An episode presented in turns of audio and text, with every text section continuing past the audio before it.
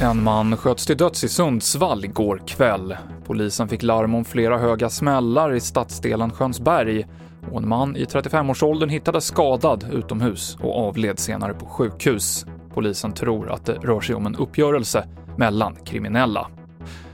Halva Sveriges befolkning kan ha blivit vaccinerad i början av sommaren, säger den svenska vaccinsamordnaren Richard Bergström. Men det här hänger på att alla vaccin godkänns och att landets 21 regioner som ska sköta vaccineringen får ordning på logistiken. Idag så börjar Storbritannien sitt vaccinationsprogram mot covid-19.